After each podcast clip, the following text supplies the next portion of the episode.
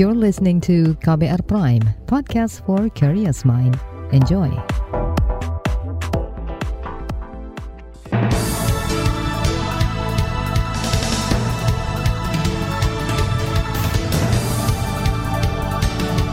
Selamat pagi saudara, senang sekali kami bisa menjumpai Anda kembali melalui program Buletin Pagi edisi Rabu 10 Agustus 2022 bersama saya Naomi Liandra. Sejumlah informasi pilihan telah kami siapkan di antaranya Verdi Sambo ditetapkan sebagai tersangka pembunuhan Brigadir J. DPR kritisi penghapusan anggaran COVID-19 pada RAPBN 2023. Jokowi prihatin masyarakat harus berobat ke luar negeri. Inilah Buletin Pagi selengkapnya. Terbaru di Buletin Pagi. Saudara, kepolisian menetapkan bekas Kadif Propam Polri Verdi Sambo sebagai tersangka kasus penembakan Brigadir Yosua Huta Barat atau Brigadir J. Verdi disangka memerintahkan penembakan Brigadir J. Ia juga disangka merancang skenario baku tembak dengan mengambil senjata Brigadir J lalu menembakkannya beberapa kali ke arah tembok. Selain itu, Verdi disangka berupaya menghilangkan barang bukti dan menghalang-halangi penyidikan. Penetapan tersangka ini diumumkan langsung oleh Kapolri Listio Sigit Prabowo tadi malam. Tadi pagi dilaksanakan gelar perkara dan tim sus telah memutuskan untuk menetapkan saudara FS sebagai tersangka. Bisa ulangi, tim sus telah menetapkan saudara FS sebagai tersangka. Selain Verdi dan Baradae, polisi juga menetapkan Brigadir RR dan KM sebagai tersangka. Baradae disangka menembak Brigadir J atas perintah Verdi, sedangkan Brigadir RR dan KM berada di lokasi dan menyaksikan pembunuhan tersebut. Keempat tersangka ini dijerat pasal pembunuhan berencana dengan ancaman hukuman mati atau penjara seumur hidup atau penjara selama-lamanya 20 tahun. Namun hingga saat ini polisi belum mengungkap motif di balik pembunuhan tersebut. Penetapan Verdi Sambo sebagai tersangka mendapat apresiasi Menteri Koordinator Politik, Hukum, dan Keamanan Mahfud MD. Mahfud yang juga Ketua Komisi Kepolisian Nasional Kompolnas memastikan akan mengawal proses hukum hingga ke pengadilan. Pemerintah melalui Kemenko Polhukam akan terus mengawal kasus ini hingga nanti oleh kejaksaan dikonstruksikan lagi hukumnya sampai P21 mudah-mudahan tidak terlalu lama dan dibawa ke pengadilan dengan pendakwaan dan penuntutan yang sungguh-sungguh. Kita semua akan mengawasi kejaksaan sekarang dan mendorong agar punya semangat yang sama dengan Polri. Terkait dengan motif pembunuhan, Menko Polhukam Mahfud MD menyebut polisi tengah melakukan pendalaman. Mahfud mengatakan motifnya terlalu sensitif dan hanya bisa dikonsumsi orang dewasa. Mahfud meminta keluarga almarhum Brigadir J untuk bersabar dan mempercayakan proses penegakan hukum pada kepolisian, kejaksaan, dan pengadilan. Kalangan parlemen juga berkomitmen mengawal kasus pembunuhan Brigadir J hingga tuntas. Anggota Komisi Hukum DPR dari fraksi PDIP Johan Budi mengatakan ada rencana memanggil Kapolri Listio Sigit untuk mendapat penjelasan tentang proses penegakan hukumnya. Kita akan sekali lagi tidak berhenti pada situ, kita kawal terus sampai ke uh, proses uh, nanti di pengadilan seperti apa. Kalau sekarang menjadi apakah masih diperlukan untuk uh, memanggil Kapolri ataukah uh, tidak karena prosesnya sudah ini kita kalau menurut saya kita tunggu saja ini uh, ke mana uh, arahnya dan ending dari pengusutan ini kan nanti diproses pengadilan. Sebelumnya, anggota Komisi Hukum DPR dan fraksi P3 Asrul Sani juga mengatakan akan segera memanggil Kapolri Listio Sigit setelah masa reses. Asrul menyebut kasus pembunuhan yang melibatkan kepolisian ini cukup sensitif sehingga pembahasan harus dilakukan secara berhati-hati. Sementara itu, Lembaga Pemantau Kepolisian Indonesia Police Watch IPW memberi dua catatan terhadap kinerja Polri. Ketua IPW Sugeng Teguh Santoso menyayangkan polisi baru serius mengusut kasus ini setelah Presiden Joko Widodo bersuara dua catatan lah dari PW. Ini terasa agak menjadi tanda tanya bagaimana kalau Pak Presiden tidak berbicara. Pak Presiden sampai berbicara empat kali ya, hanya tekanan publik, dan juga kelompok civil society yang berbicara maupun netizen ya apakah pengungkapannya akan seperti ini. Yang kedua Pak Kapolri perlu juga mungkin menyampaikan minta maaf atas insiden tanggal 11 Juli yang disampaikan oleh Karopenmas Brigjen Ahmad Ramadan. Ketua IPW Sugeng Teguh Santoso menegaskan permohonan maaf penting karena sebelumnya polisi berulang kali menyebut ada unsur pelecehan seksual dalam kasus ini. Alhasil banyak opini liar berkembang di publik. Lebih lanjut, Sugeng meminta polisi mendalami dugaan keterlibatan puluhan anggota polisi lain dalam kasus ini. Mereka mesti diadili secara etik dan dipecat tidak dengan hormat jika terbukti bersalah. Selanjutnya, DPR kritisi penghapusan anggaran COVID-19 pada RAPBN 2023. Informasinya akan hadir sesaat lagi. Tetaplah di Buletin Pagi KBR. You're listening to KBR Pride, podcast for curious mind. Enjoy!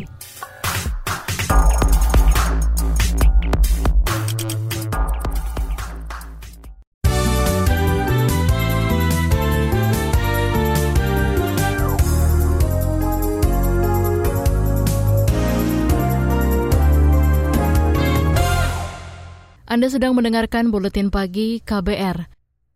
Saudara, rencana penghapusan anggaran khusus penanganan pandemi COVID-19 pada RAPBN 2023 dinilai tidak tepat. Anggota Komisi Bidang Kesehatan DPR Kurniasi Mufidayati mengatakan pemerintah sebaiknya mengurangi anggaran secara bertahap bukan menghapusnya. Tetapi kalau dinolkan, ini yang eh, kita perlu tanya lebih dalam uh, argumentasinya apa, dasar pemikirannya apa, riset-risetnya mana gitu sehingga kita benar-benar bisa apa namanya bisa tahu gitu loh uh, apa alasannya kenapa harus dihapus sama sekali. Kalau dihapus sama sekali rasanya belum saatnya ya, um, karena nanti kasihan rakyat Indonesia, kasihan masyarakat terhadap hak pelayanannya. Sebelumnya, Menteri Keuangan Sri Mulyani Indrawati menyebut pemerintah tak lagi mengalokasikan anggaran pandemi COVID-19 pada RAPBN 2023. Meski begitu, anggaran kesehatan reguler tetap diproyeksikan naik, yakni 168 triliun rupiah. Angka ini lebih tinggi dari tahun ini yang mencapai 133 triliun rupiah. Masih terkait APBN 2023, Ekonom Indef Tauhid Ahmad mendorong pemerintah menetapkan prioritas realisasi rencana pembangunan jangka menengah RPJMN dalam RAPBN tahun depan.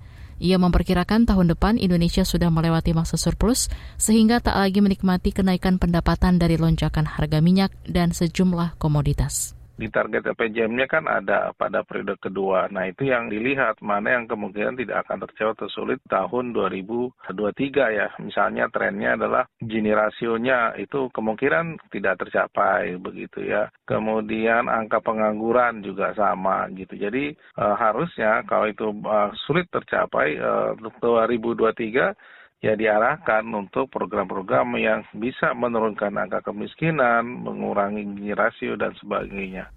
Ekonom Indef Tauhid Ahmad juga mengomentari perintah Presiden Jokowi kepada Menteri Keuangan Sri Mulyani tentang uji ketahanan APBN dalam mengantisipasi kondisi global.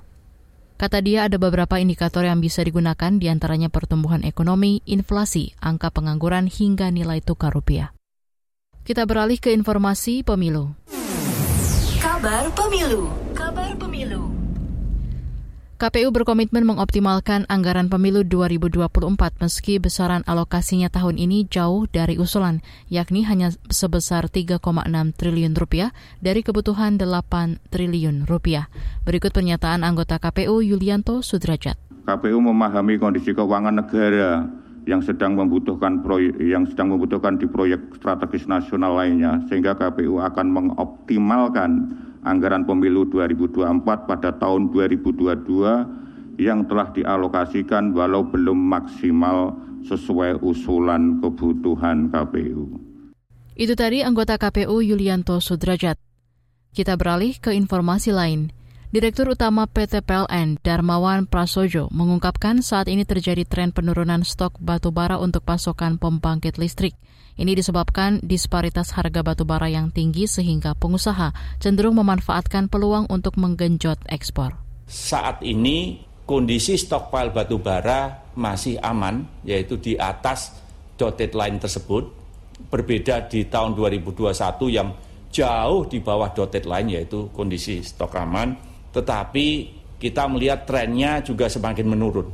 Artinya apa? Apabila kondisi ini dibiarkan berlarut-larut, maka kondisi yang tadinya aman bisa bergeser menjadi kondisi krisis kembali. Dirut PLN Darmawan Prasojo menambahkan stok batubara PLN sempat membaik awal tahun ini di kisaran 5,7 juta metrik ton, namun stok turun di kisaran 5,1 juta metrik ton.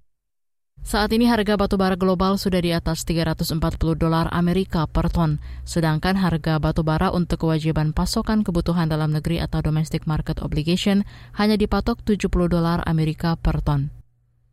Informasi selanjutnya, Presiden Joko Widodo memerintahkan Menteri Agraria dan Tata Ruang Hadi Cahyanto untuk menuntaskan sertifikasi 120-an juta bidang tanah. Hal itu diungkapkan Hadi saat penandatanganan nota kesepahaman dengan PBNU kemarin. Saya mendapatkan perintah dari Bapak Presiden, ada tiga, yaitu menyelesaikan PTSL sejumlah 100 26 juta bidang. Ternyata siang hari ini 6 juta bidangnya ada di NU. Sehingga akan saya selesaikan Gus. Kemudian saya juga diminta diperintah oleh Bapak Presiden menyelesaikan konflik sengketa agraria termasuk mafiata. Dan yang ketiga masalah IKN. Menteri Agraria dan Tata Ruang Hadi Cahyanto juga berkomitmen menyelesaikan administrasi pertanahan milik masyarakat yang bermasalah. Ia berjanji akan mempermudah proses pengurusan sertifikat tanah untuk aset kepemilikan.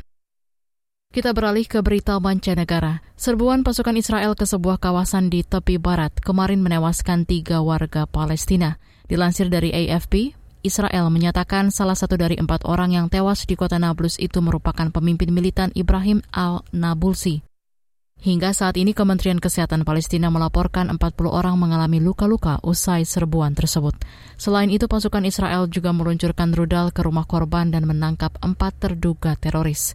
Nabulsi merupakan komandan Brigade Martir Al-Aqsa, salah satu kelompok milisi utama di tepi barat. Sementara itu bentrokan antara warga dan aparat Israel juga pecah di sudut lain kota Nablus.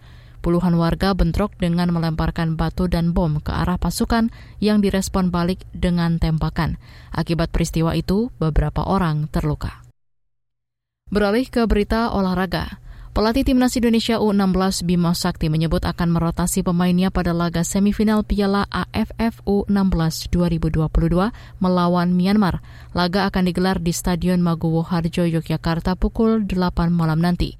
Dilansir dari Antara, Bima Sakti tidak mengungkap siapa saja pemain yang akan dirotasi. Ia hanya menyebut satu pemain dalam kondisi kurang fit, yakni Azaki Esa. Sebelumnya, pemain sayap itu juga tak masuk dalam daftar susunan pemain Indonesia kala bersua Vietnam. Di bagian berikutnya kami hadirkan laporan khas KBR tentang ikhtiar sorghum untuk substitusi gandum. Tetaplah di Buletin Pagi KBR. You're listening to KBR Pride, podcast for curious mind. Enjoy!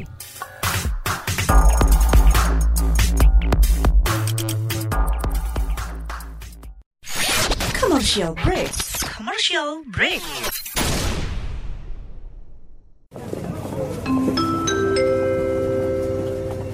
Mohon perhatian.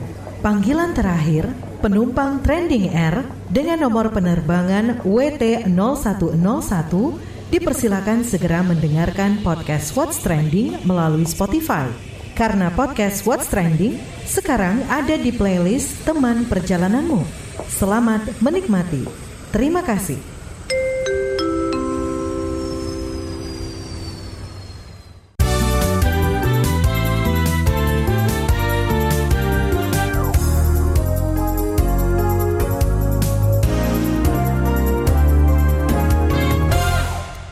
Anda masih bersama kami di Buletin Pagi KBR. Pemerintah terus memutar otak untuk menjaga ketahanan pangan dalam negeri di tengah ancaman krisis pangan global. Banyak usaha dilakukan untuk menggantikan bahan pangan impor seperti gandum. Sorghum menjadi pilihan kesekian dari pemerintah untuk dikembangkan di Indonesia. Lantas, seperti apa usaha pemerintah? Berikut kita simak laporan khas KBR yang disusun jurnalis Reski Novianto pemerintah terus berikhtiar untuk memperkuat ketahanan pangan dalam negeri. Apalagi sejumlah negara sudah mulai mengalami krisis pangan. Pemerintah melirik sorghum atau jagung cantel sebagai alternatif pengganti gandum yang saat ini sebagian besar masih bergantung pada impor. Presiden Joko Widodo berencana memperluas area lahan tanaman sorghum di Nusa Tenggara Timur atau NTT guna mengurangi ketergantungan impor gandum sebagai sumber pangan.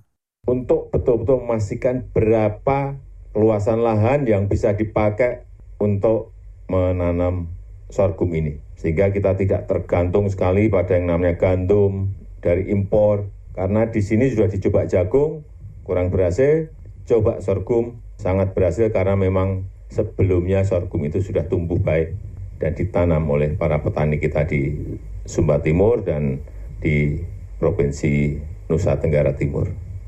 Presiden memerintahkan Menteri Koordinator Bidang Perekonomian Airlangga Hartarto untuk membuat peta jalan terkait produksi dan hilirisasi sorghum hingga 2024 mendatang. Airlangga mengatakan, saat ini realisasi pengembangan lahan sorghum baru sekitar 4.300-an hektar yang tersebar di enam provinsi. Hasil produksi mencapai 15.000 ton atau sekitar 3,3 ton per hektar. Angka itu menurutnya masih dianggap rendah. Dan kami laporkan bahwa target dari uh, musim sasaran tanam di 2022 adalah 15.000 hektar. Dan ini tentu ada pengembangan sebesar 100.000 hektar. Dan Bapak Presiden minta bahwa diprioritaskan untuk daerah Nusa Tenggara Barat di uh, Kabupaten Waingapu yang kemarin sudah dilihat oleh Bapak Presiden dan di tahun 2023 dipersiapkan lahan sejumlah 115 ribu hektar dan di tahun 200, 2024 sebesar 154 uh, ribu hektar. Sorghum dilirik karena persediaan gandum dalam negeri diperkirakan hanya bisa bertahan hingga Oktober, sedangkan kebutuhan gandum di Indonesia sebanyak 11,8 juta ton per tahun. Di sisi lain, berbagai negara tengah menyetop ekspor gandumnya termasuk Ukraina. Menurut Menteri Pertanian Syahrul Yassin Limpo, ancaman kelaparan menghantui jutaan orang di dunia akibat krisis pangan.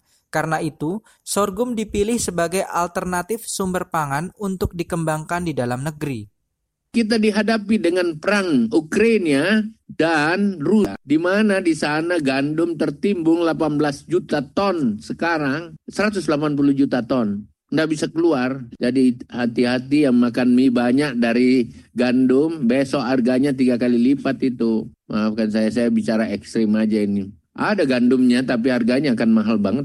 Sementara kita ekspor impor terus nih, gitu loh. Kalau saya sih jelas nggak setuju apa pun kita makan aja singkong, apa aja kita makan aja sorghum. Di sisi lain, petani sorghum mendorong agar pemerintah menggandeng kelompok tani sorghum lokal hingga perangkat desa untuk meningkatkan produksi sorghum nasional. Itu disampaikan penggagas dan penggerak sorghum NTT, Maria Loreta ketika presiden sudah menyampaikan dan memerintahkan untuk tanam sorghum, maka mulai dari gubernur, bupati, camat sampai kepala desa ya harus ikutlah dan bergerak ya bergerak. Tetapi mungkin bisa dimulai dengan sosialisasi dulu, sepakat dulu seperti apa. Karena seribu kali pemodal masuk, kita kan sudah melihat contoh banyak ya, iya. sama tentang pengembangan jagung. Dua tiga tahun awal dia jalan bagus, tapi masuk tahun keempat kelima kan akhirnya nggak bagus jalannya. Sayangnya, ikhtiar pemerintah memilih sorghum sebagai substitusi gandum kurang meyakinkan. Pakar dari Institut Pertanian Bogor, Dwi Andrea Santosa, ragu substitusi bisa berjalan tanpa adanya persiapan menyeluruh dari hulu ke hilir apakah industri kita juga sudah siap menampung produk-produk dari sorghum tersebut, lalu kemudian diolah menjadi substitusi gandum. Lalu ketiga, yang amat sangat penting yang ini yang menyebabkan mengapa upaya kita untuk mensubstitusi gandum itu tidak pernah berhasil terkait dengan harga. Menurut Andreas, proyek-proyek substitusi pangan yang pernah dijalankan sebelumnya selalu gagal ia mendorong pemerintah memikirkan soal pendanaan petani, pembelian hasil sorghum dengan harga yang kompetitif, hingga menggandeng komitmen dan kerjasama dari pihak swasta. Demikian laporan khas KBR, saya Reski Novianto. Informasi dari berbagai daerah akan hadir usai jeda. Tetaplah bersama Buletin Pagi KBR. You're listening to KBR Pride, podcast for curious mind. Enjoy!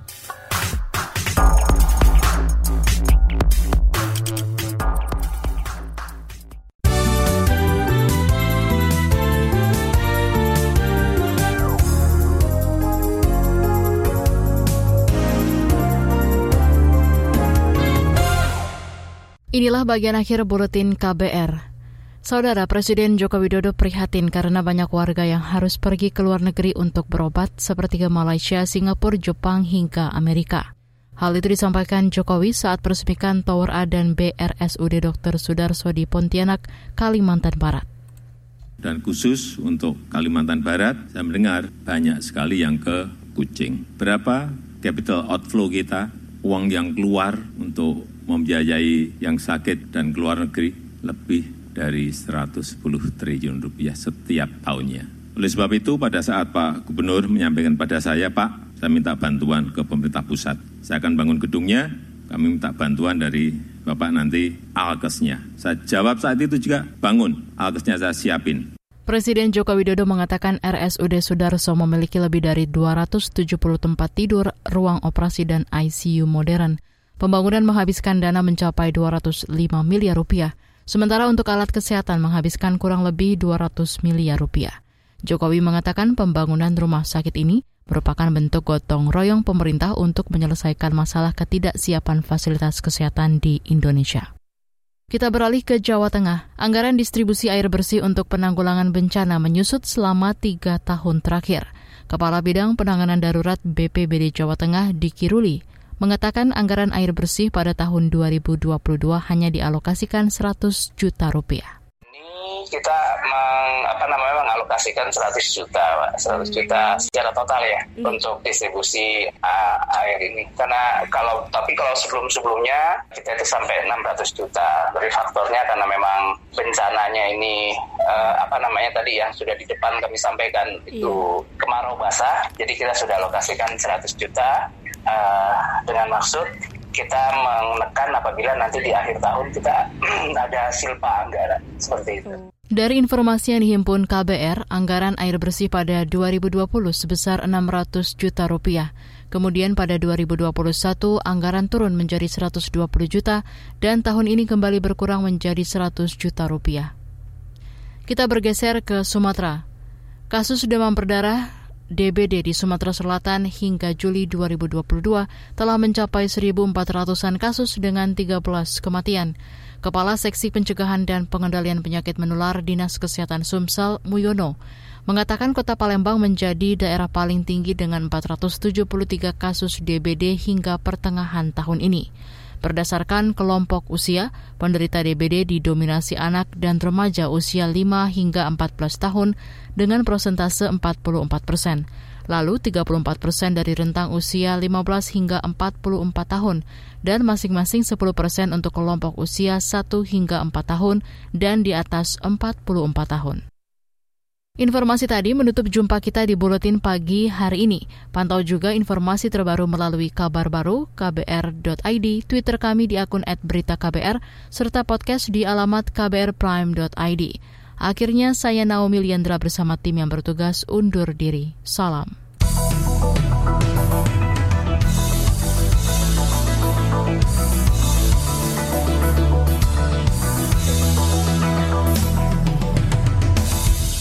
KBR Prime, cara asik mendengar berita. KBR Prime, podcast for curious mind.